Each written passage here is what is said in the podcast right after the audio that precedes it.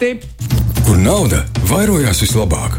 Zeķē, akcijās vai kripto schēmās? Jauni un bagāti ar Walteru Vestmani. Labrīt, Valter Vestmani! Čau! Čau, labrīt! Sveiciens Taizemē! Sveiciens Latvijā! Tā ir Valters joprojām attālināti šobrīd atrodas un ir, teiksim, tā digitālais klejotājs. Ja tā te var nosaukt, digitālais nomads. Tu strādā šobrīd tālināti. tā apmēram sanāk, jā. jā. Nodokļus- Esmu līdz decembrim esmu prom. Nodokļus tu maksā Latvijā, vai ne? Jā, to vēl jā. Kā, pagaidi, bet, bet, ja tu, piemēram, uz ilgāku laiku dotos, tev vajadzētu nopirkt kaut kādu, kaut kādu atļauju tur atrasties tik ilgi, vai ne? No, tur būtu jāskatās, kā uz mani skatās tā izemes valdība. Jā. Jo parasti jau ir tā, ka uh, vismaz Eiropas ietvaros tāds standarts, manuprāt, bija.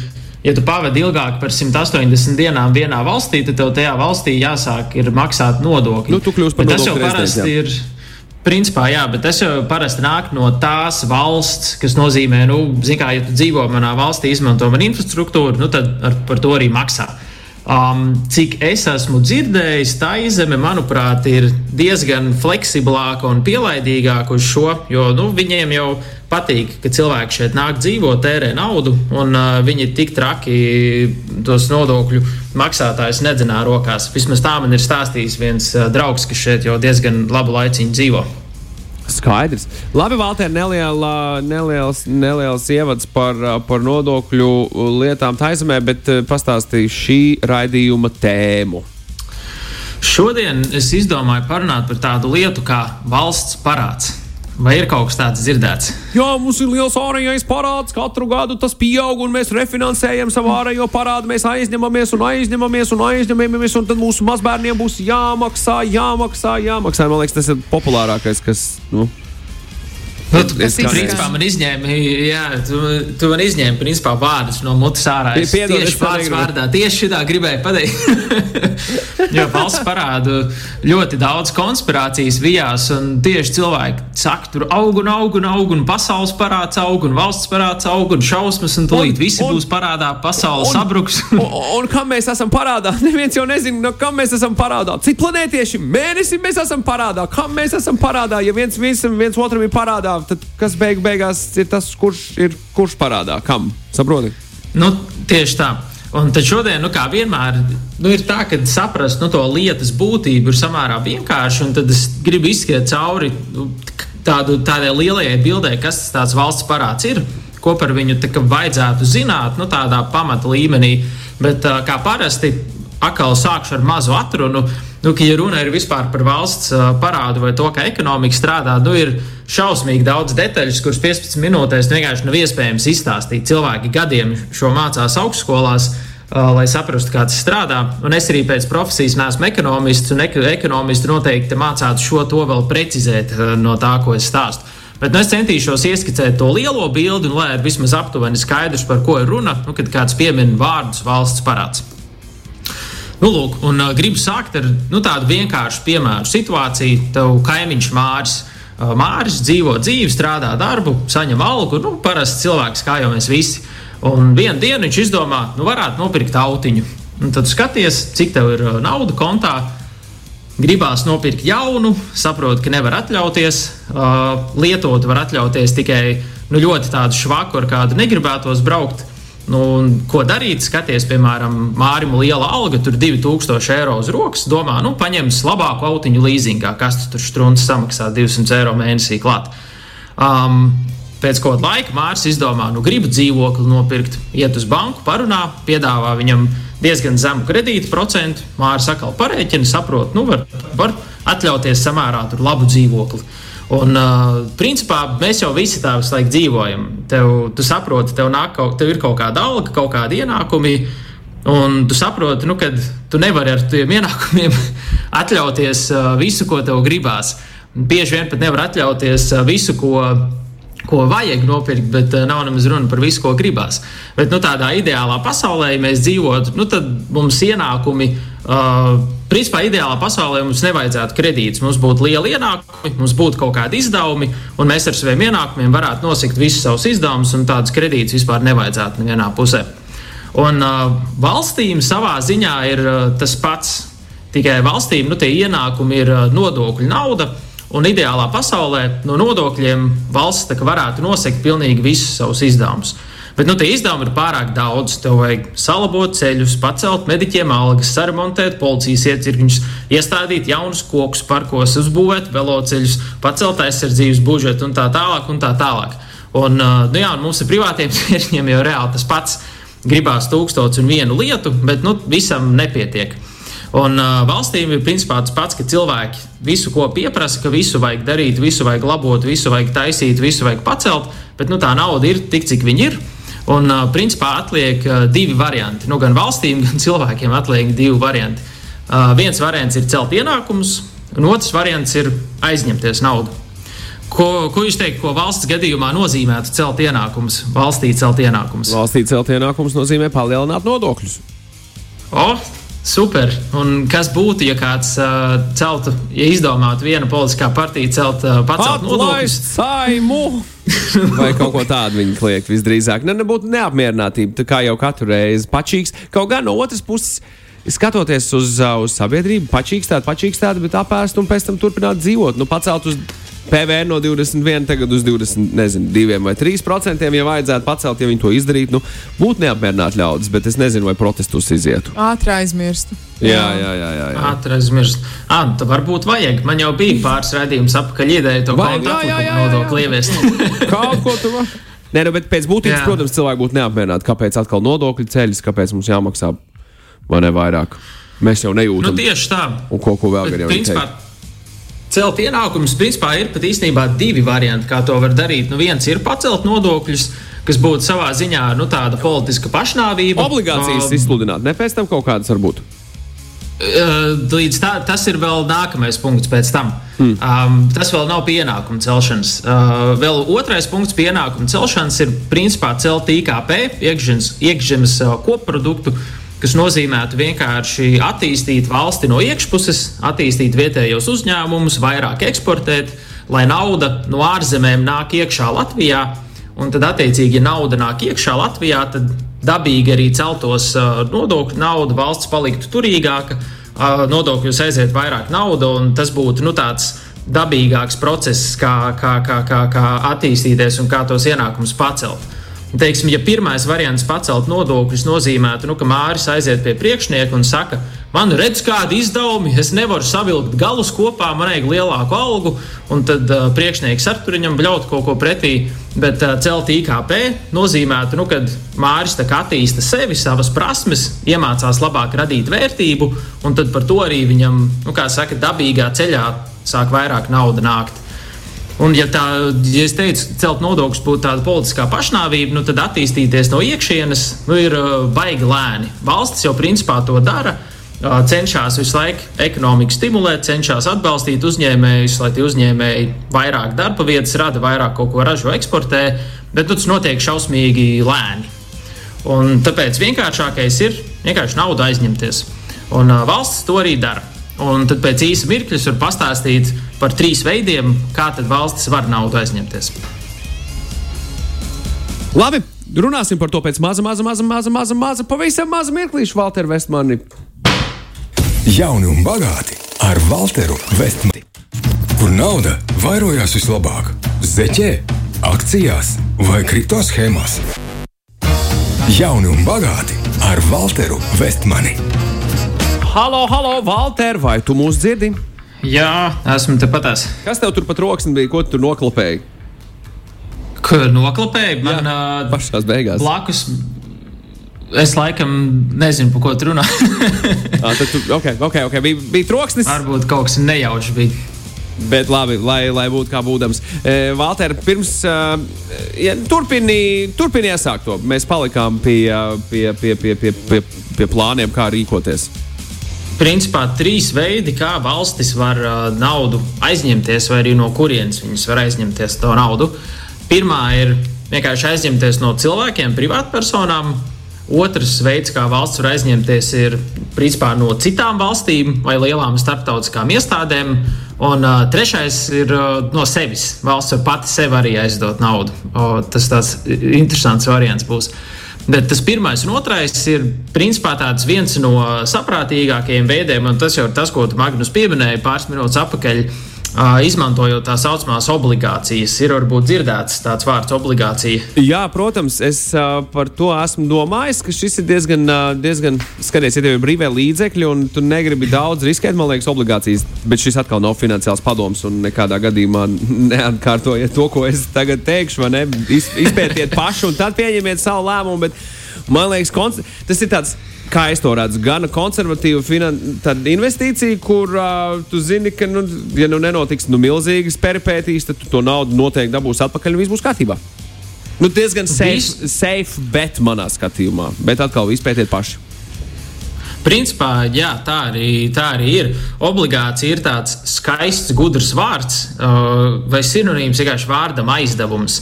Jo, te, tu, jo principā, ko valstis dara? Viņas izlaiž obligācijas, Uh, jeb šī tā saucamās parādzīmes. Un, ja tu nopērci valsts obligāciju, tas nozīmē, ka tu esi valstī aizdevis naudu. Piemēram, tu aizdod naudu uz 20 gadiem, tev tos 20 gadus katru gadu maksā kaut kādu procentu, un beigās pēc tam 20 gadiem tev atdod atpakaļ pamatsummu. Tas ir principā nu, vienkārši kā strādā aizdevums. Kāpēc viņu sauc gudrā vārdā obligācija, kas uzreiz cilvēkiem rada kaut kādu sašutumu? Es nezinu, bet uh, tas ir tas, kā viņš pēc būtības strādā. Un, jā, un obligācijas var izlaist gan valstis, gan uh, lieli uzņēmumi. Uh, tā viņš tās diezgan uh, populārs rīks finanšu pasaulē, kā aizdot naudu. Un, nu, lūk, un valsts teiksim, izdomā, ka viņi grib finansēt kaut kādus jaunus projektus, vai uh, varbūt aiztaisīt cietu budžeta deficītu. Un tas nozīmē, ka uzreiz valsts izlaiž obligācijas, un tad uh, cilvēki vai privāti personas tās obligācijas var sapirkties. Cita valsts arī un, var, piemēram, Valtēra, nu, iedomājas tādu situāciju, kur nu, mēs sākam pirkt Igaunijas obligācijas, jo mēs gribam, lai. Var, jā. Tā darīt. Vai jā, tie, ir... Latvijas valsts, piemēram, varētu iegādāties Igaunijas izsludinātās uh, obligācijas? Es domāju, ka pēc būtības varētu. Aha, okay. Obligācijām ir, ir dažādi veidi. Nu, tādā ziņā, ka uh, tu vari izlaist speciāli obligācijas, nu, kuras var pirkt citas valsts, un tu vari izlaist obligācijas, kuras, kā saka, var pirkt tikai privātais tirgus, mm -hmm. nu, kas ir mhm. visādi pensiju fondi, cilvēki un tam līdzīgi. Um, Tagad ir tā, ka uh, bija sarežģītāk. Nu, parasti, lai nopirktu to vienu obligāciju, nu, viņi ir uh, traki, milzīgi dārga, un uh, privāta persona parasti pie viņas nu, patiešām nemaz nevar tikt klāt. Um, tas, ko tipiski cilvēki var darīt, ja tu gribētu pirkt obligācijas, tu varētu pirkt tā saucamos obligāciju fondus, kur uh, iekšā ir daudz un dažādas viņas, un attiecīgi tu caur fondu tiktu klāt uh, tai obligācijai. Jo nu, valstī jau neinteresē, nu, ka tu iedos viņiem 100 eiro, viņiem drīzāk tur vajag kaut kādas 100 miljonus, ja ne pat miljardus. Tur tās summas ir diezgan lielas. Un, jā, un valstis arī vienu otras obligācijas var pirkt. Tad, nu, man vispār idejas liekas diezgan interesanti, kad uh, valsts izlaiž obligācijas un pērk viens otru obligācijas, un viens otram maksā procentus, viens otram aizdevuši naudu. Bet uh, vairāk vai mazāk tāds arī tādā starptautiskā tirgu var uh, notikties. Un tu jau, Magnus, pirms tam pieskāries, tu, kad obligācijas tāds salīdzinoši drošs ieguldījums. Un, uh, Principā tā arī ir. Mēs vairākus raidījumus apakaļ esam runājuši par to, ka akciju tirgus ir salīdzinoši svārstīgs ieguldījums. Nu, paga, paga, paga. Diezgan... Skaties, skaties, kas notika ar Facebook, ar metu 20%, principā lejā vienā naktī 12% nost. Paskaties uz lielajām tehnoloģijas kompānijām, tieši šobrīd akciju tirgu. Tāda sajūta, ka, jā, nu, nu, ja kaut kas svārstās, tad, tad bitkoins vairs nav tas, kas svārstās super, super traki. Bet uh, katrā gadījumā man, man patīk. Es, eh, es redzu iespējas arī, arī, arī šajā, šajā sfērā, protams, eh, atkal pētot un, eh, un izprotot, ko tu dari un kāpēc tu to dari. Jā, nu, par bitkoinu es praktiski neko nezinu, tāpēc nemāku komentēt. Jā, par, Bet, tas, tas salīdzinājums, Valter, tas salīdzinājums, lai saprotu, ka tradicionālais jā. tirgus arī svārstās. Tas nav, tas nav. Protams, jā, jā, protams, tieši tā. Akcijas īstermiņā viņas var būt ļoti, ļoti svārstīgas. Um, bet turpretī, kāpēc obligācijas ir salīdzinoši mazāk svārstīgas? Nu, akcijas svārstās, tāpēc, ka uh, ar uzņēmumiem viss, kas var notikt, un īsi dažādas ziņas, nu, var uzņēmumus diezgan, diezgan burtiski ietekmēt.